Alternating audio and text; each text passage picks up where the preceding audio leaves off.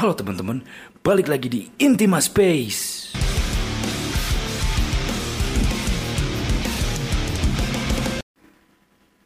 Di episode kali ini mungkin saya akan hanya bercerita sedikit tentang pengalaman saya menjadi seorang produk designer. Kenapa?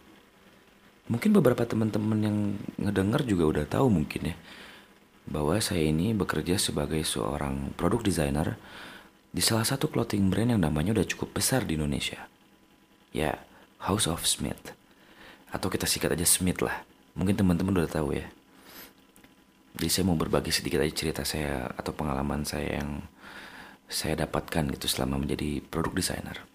Nah, jika bicara tentang produk designer, saya sebelumnya belum pernah berekspektasi teman-teman bahwa saya akan menjadi seorang produk designer seperti saat ini gitu ya. Karena cita-cita banyak berubah. Waktu SD saya ingin jadi pilot, waktu SMP saya ingin jadi musisi, waktu SMK bahkan saya ingin menjadi seorang programmer karena saya kuliah di SMK Informatika kebetulan. Nah, beranjak ke bangku kuliah, saya masuk jurusan Desain Komunikasi Visual atau DKV. Cita-cita saya berubah lagi teman-teman. Saya ingin menjadi seorang fotografer plus musisi. Namun takdir berkata lain,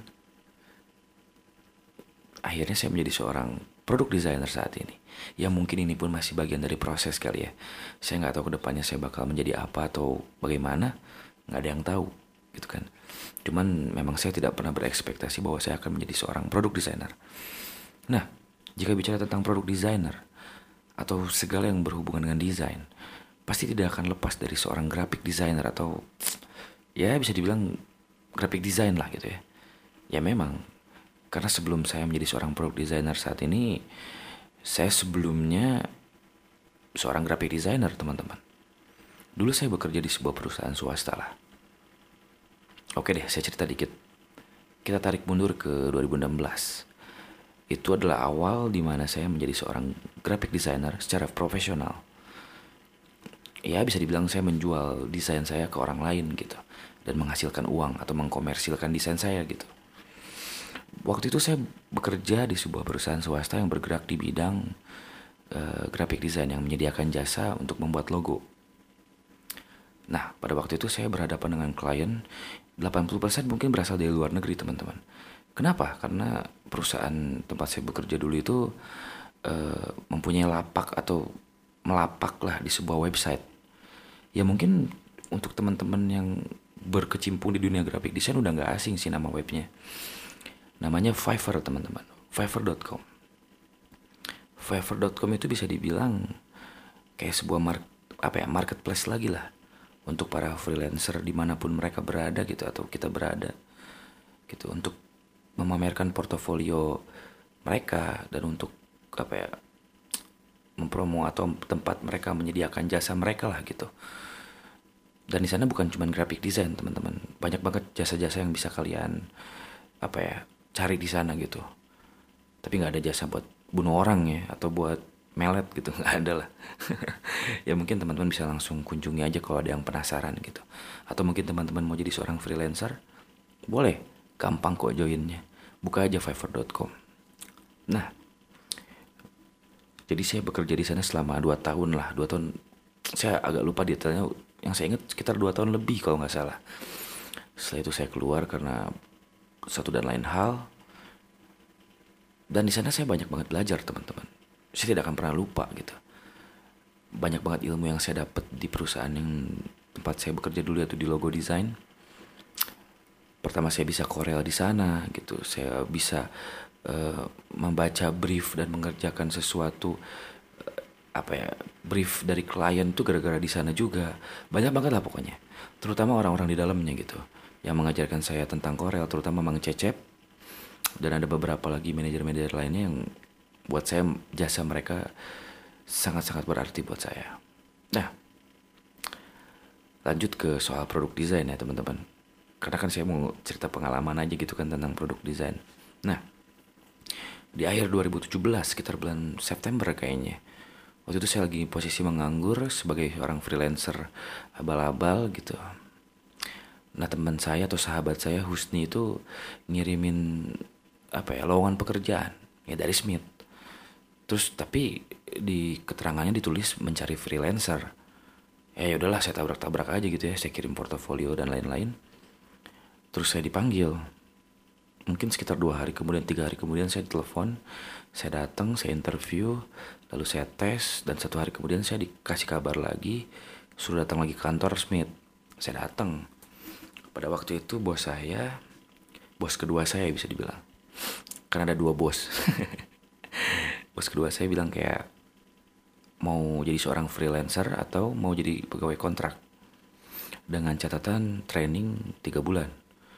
Ya saya ambil kontrak lah.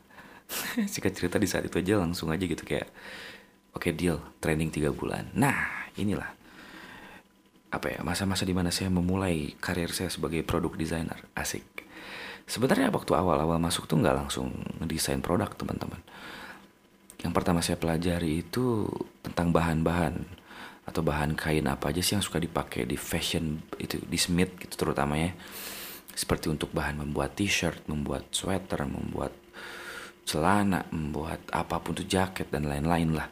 Pokoknya semua yang berhubungan dengan bahan saya pelajarin dulu, hand feel-nya, perbedaannya, ketebalannya, gramasi dan lain-lain saya belajar dulu gitu.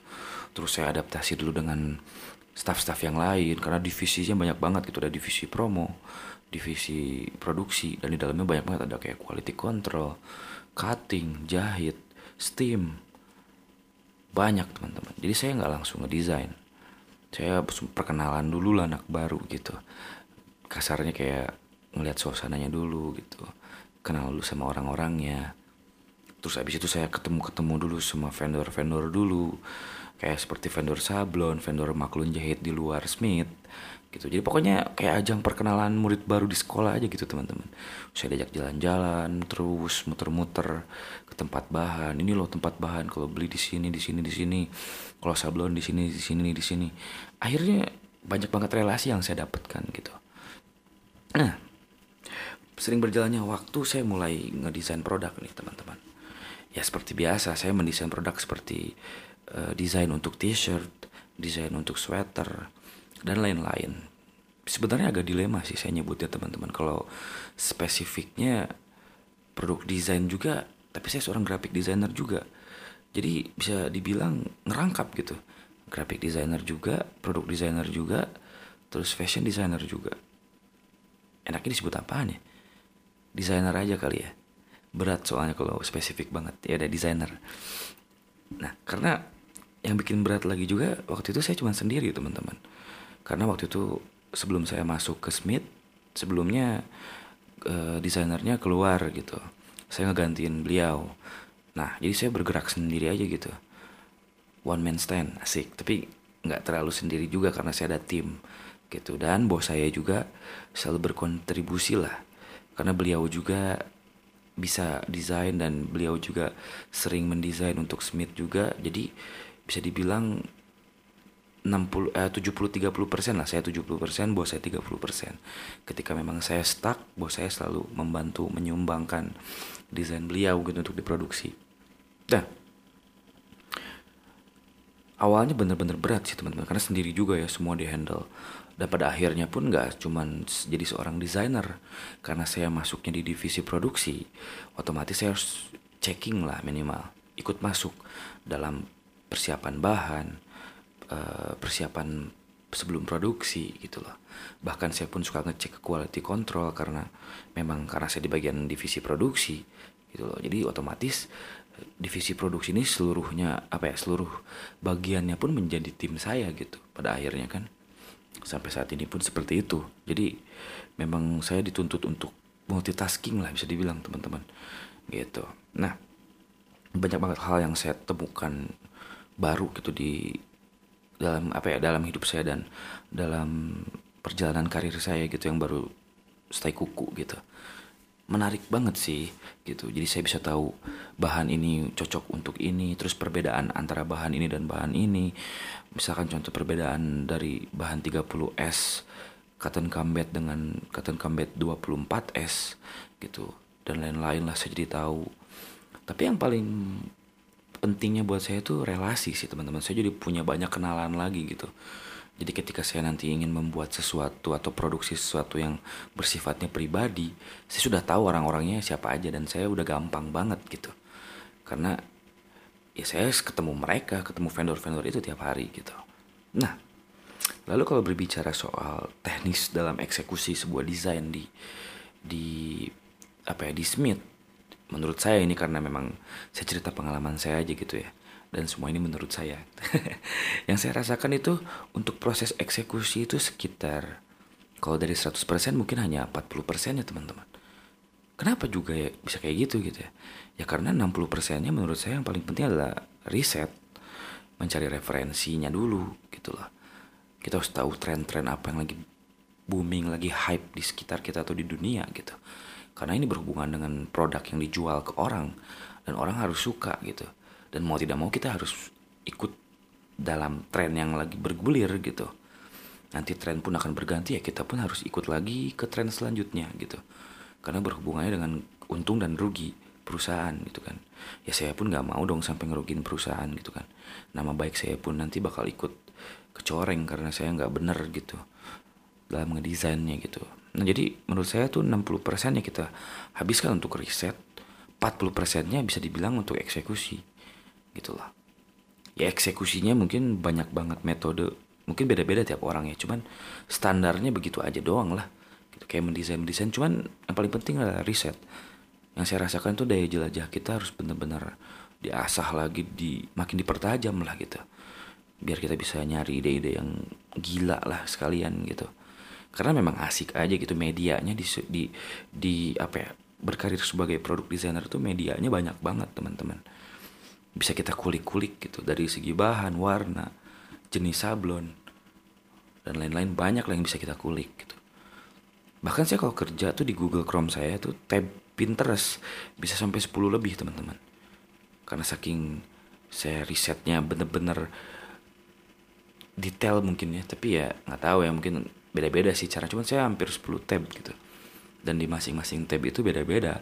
Misalkan di pad, di pad lagi di tab pertama saya misalkan buka streetwear design di tab kedua saya buka misalkan casual design atau lain-lain yang seperti itulah intinya tab Pinterest saya itu banyak banget gitu dan Instagram pun bertab-tab karena saya selalu lihat uh, akun-akun fashion streetwear meskipun pada akhirnya ketika eksekusi nggak semuanya ke eksekusi gitu. Paling tidak kita riset dulu dan setelah dapat riset kita masukin ke Corel atau ke aplikasi yang kita pakai itu kita udah tahu pantas gak sih ini kalau buat si Smith gitu atau buat siapa?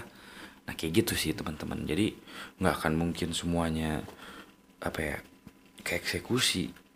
Bisa cuman kan ya buat apa gitu kalau nggak kepake akhirnya gitu jadi gitu kalau dari soal eksekusi sebuah desain menurut saya cuma 40% kalau di kalau bagi saya ya 40% dan sisanya 60% nya ya riset dan apa ya mencari referensi lah gitu bisa dibilang. Aduh bentar ya saya nyalain rokok dulu.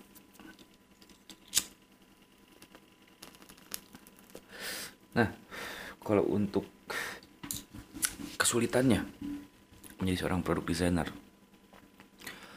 saya ngalamin kesulitan banyak sih.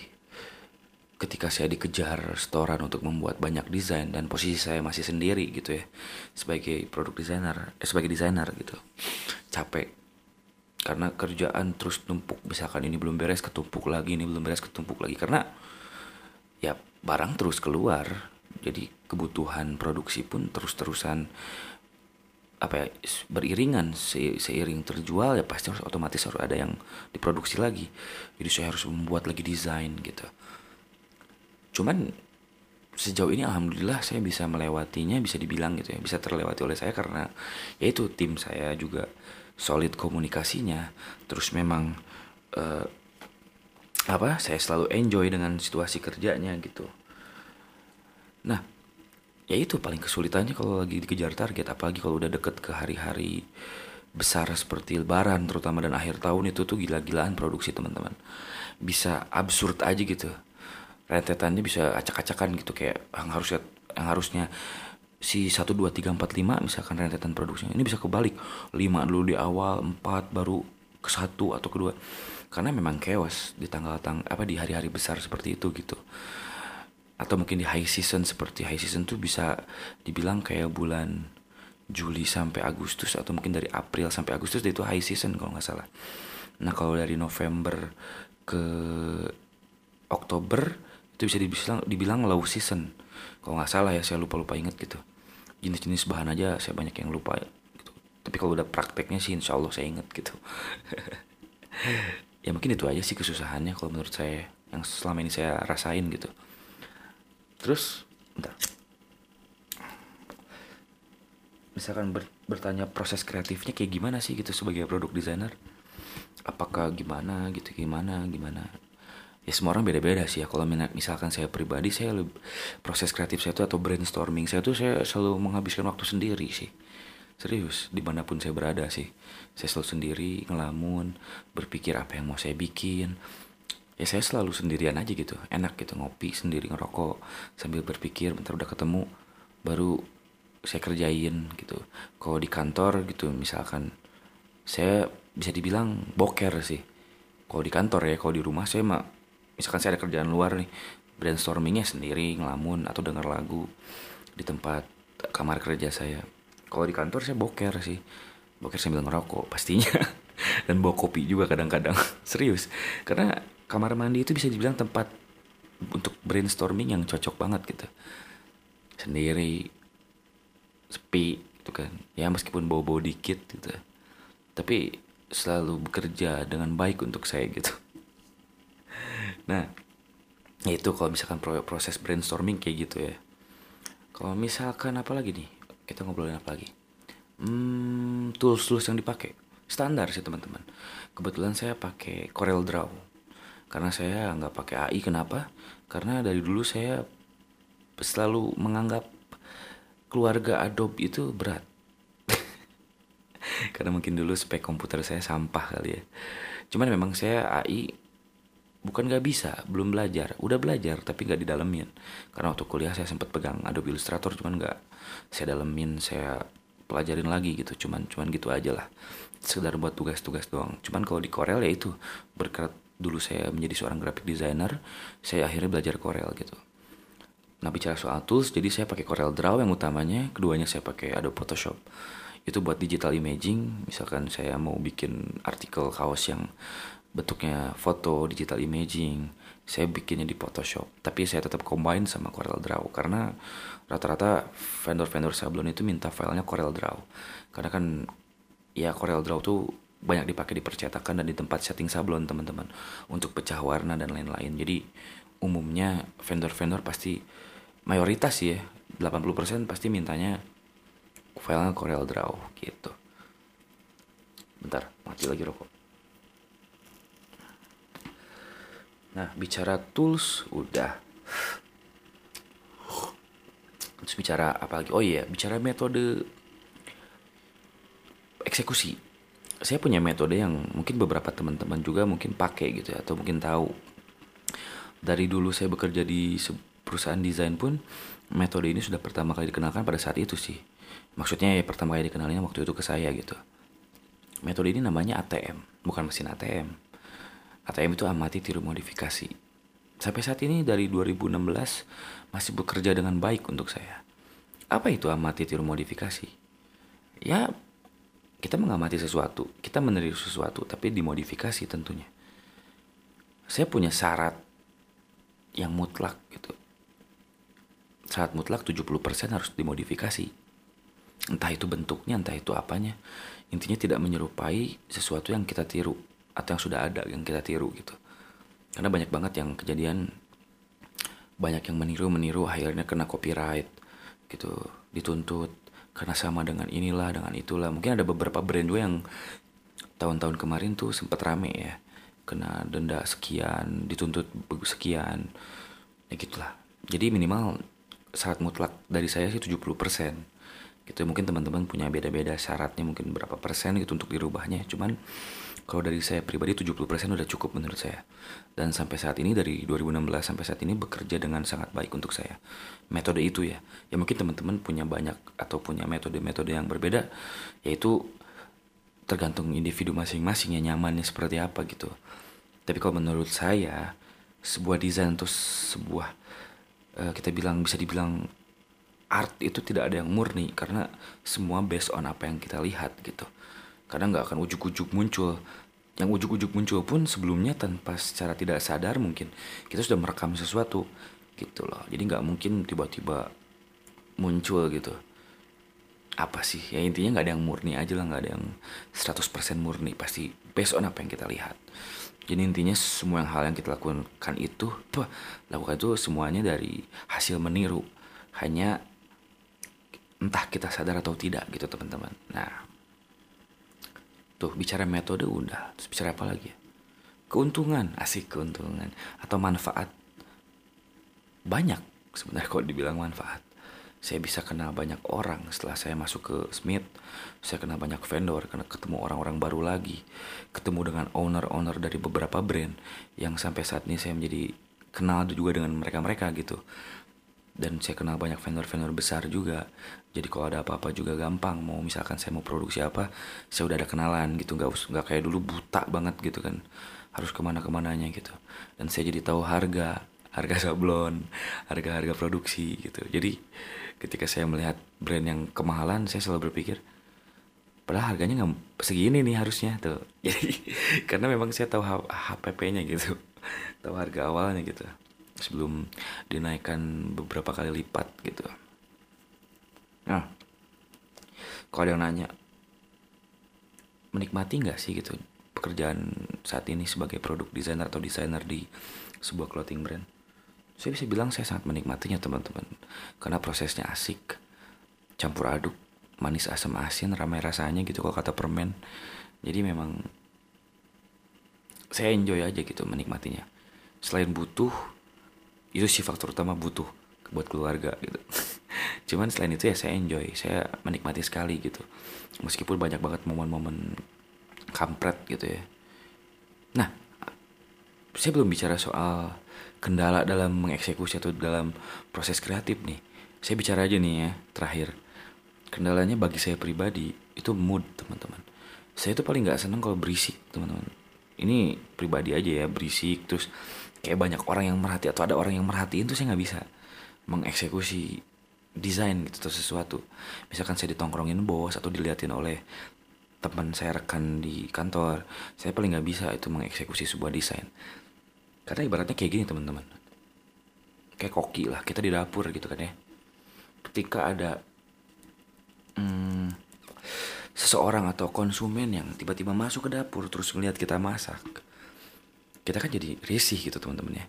Terus dia juga bakal ngeliat kayak dapur kita berantakan semua serba berantakan gitu lah dan mereka akan berpikir bahwa ih kok berantakan? Ini banget ya jorok. Ah nggak jadi makan deh. Nah analoginya kayak gitu deh teman-teman. Jadi nanti semua prosesnya tuh terlihat dengan dengan adanya orang di sebelah kita atau bos kita ngelihat. Jadi proses kreatif kita terlihat ter, belum beres belum jadi 100% bos saya atau ataupun rekan saya ataupun orang lain akan komen duluan gitu. Jangan gitu lah udah ketebak lu mau bikin ini udah jangan. Gue nggak suka misalkan rubah. Jadi belum apa-apa udah di komen gitu. Jadi itu hal yang paling menurut saya saya nggak bisa banget bekerja ketika ada orang yang ngeliatin. Bahkan istri saya sendiri pun kalau ngeliatin saya lagi kerja pekerjaan luar luar kantor gitu luar smith ya saya nggak bisa kerja saya harus benar-benar sendiri di ruangan kerja saya musik nyala terus kopi rokok itulah apa ya baru bisa saya mikir gitu untuk membuat apa mau bikin apa mau kayak gimana gitu. Terus kesulitan yang kedua selain itu apa ya kayaknya itu udah semua deh kayaknya itu yang paling penting gitu Iya deh kayaknya itu kesulitannya kalau bagi saya pribadi ya tapi nggak tahu kalau buat teman-teman beda-beda pasti kan teman-teman kalau misalkan kesulitannya gimana gitu. Cuman kalau saya pribadi kesulitannya itu nggak bisa diliatin sama orang dan mudah harus benar-benar bagus gitu saat melakukan eksekusi. Gitu. Terus ngomongin apa lagi ya? Hmm, kalau ditanya misalkan apakah saya ingin terus berkarir atau bekerja sebagai desainer untuk sebuah brand atau apalah itu produk desainer? Jawaban saya ya saya mengalir aja sih teman-teman. Yang di atas lagi ngasih rejeki saya di bidang ini ya saya akan tekuni juga terus bidang ini. Sampai se apa ya sementoknya atau sehabisnya takdir atau nasib lah sepertinya.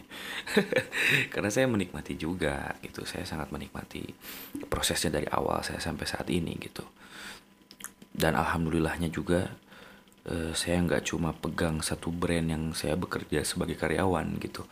Di luar itu pun saya alhamdulillah memegang beberapa brand lah ya bisa dibilang. Gitu ada mungkin sekitar tiga atau empat brand gitu yang saya pegang. Dan alhamdulillah continue terus gitu. Dan salah satunya ada brand besar juga yang namanya udah nggak asing gitu.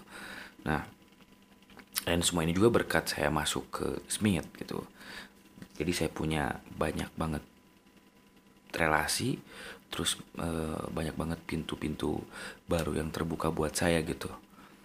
Gitu kalau misalkan dulu saya stuck di logo design ya mungkin saya akan jadi seorang graphic designer biasa aja gitu.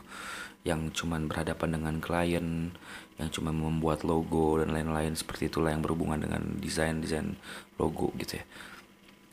Namun saya berhasil beradaptasi dengan apa ya, dunia produk designer yang notabene baru banget buat saya yang saya tidak pernah expect sebelumnya. Ya alhamdulillah gitu. Ketika dijalani eh, pelan-pelan menghasilkan gitu. Dan banyak banget change-change lain yang terbuka gitu teman-teman.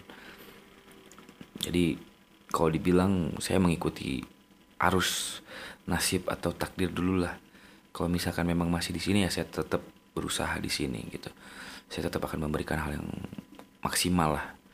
Walaupun memang kalau bicara soal skill saya nggak jago-jago amat teman-teman. Saya tuh nggak jago dalam soal desain. Untuk ilustrasi apalagi saya yuk parah banget gitu. Kalau gambar memang suka dari kecil cuman nggak saya dalemin. Waktu kuliah pun saya nggak saya sering mabal-mabal gitu kalau mata kuliah ilustrasi gitu. Malahan apa pokoknya mata kuliah yang berhubungan dengan desain desain yang utamanya saya selalu cabut. Makanya saya ngulang gitu apa berantem sama dosen. Malah di, malah apa ya malah mata kuliah mata kuliah yang nggak terlalu berhubungan dengan desain. Maksudnya gimana ya? Seperti fotografi yang kayak gitu-gitu saya malah tekun gitu. Jadi aneh gitu kan harusnya terbalik gitu kan. Cuma yang namanya juga proses lah ya. Ada aja gitu hal-hal yang kayak gitu gitu. Nah mungkin kalau buat cerita-ceritanya cukup segini aja kali ya karena kalau terlalu panjang juga bosen. Ini aja udah 27 menit gitu. Ya mungkin aja teman-teman yang mendengar sampai habis ya. Terima kasih banyak teman-teman sekali lagi karena memang membosankan seperti ini gitu kan ngedengerin saya ngoceh setengah jam gitu. Ya udah gitu aja teman-teman. Semoga bisa menginspirasi. Asik.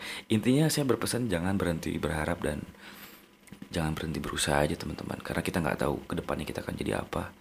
Yang penting intinya kita harus berusaha dan berharap gitu. Karena apa ya sesuatu itu berasal dari harapan gitu.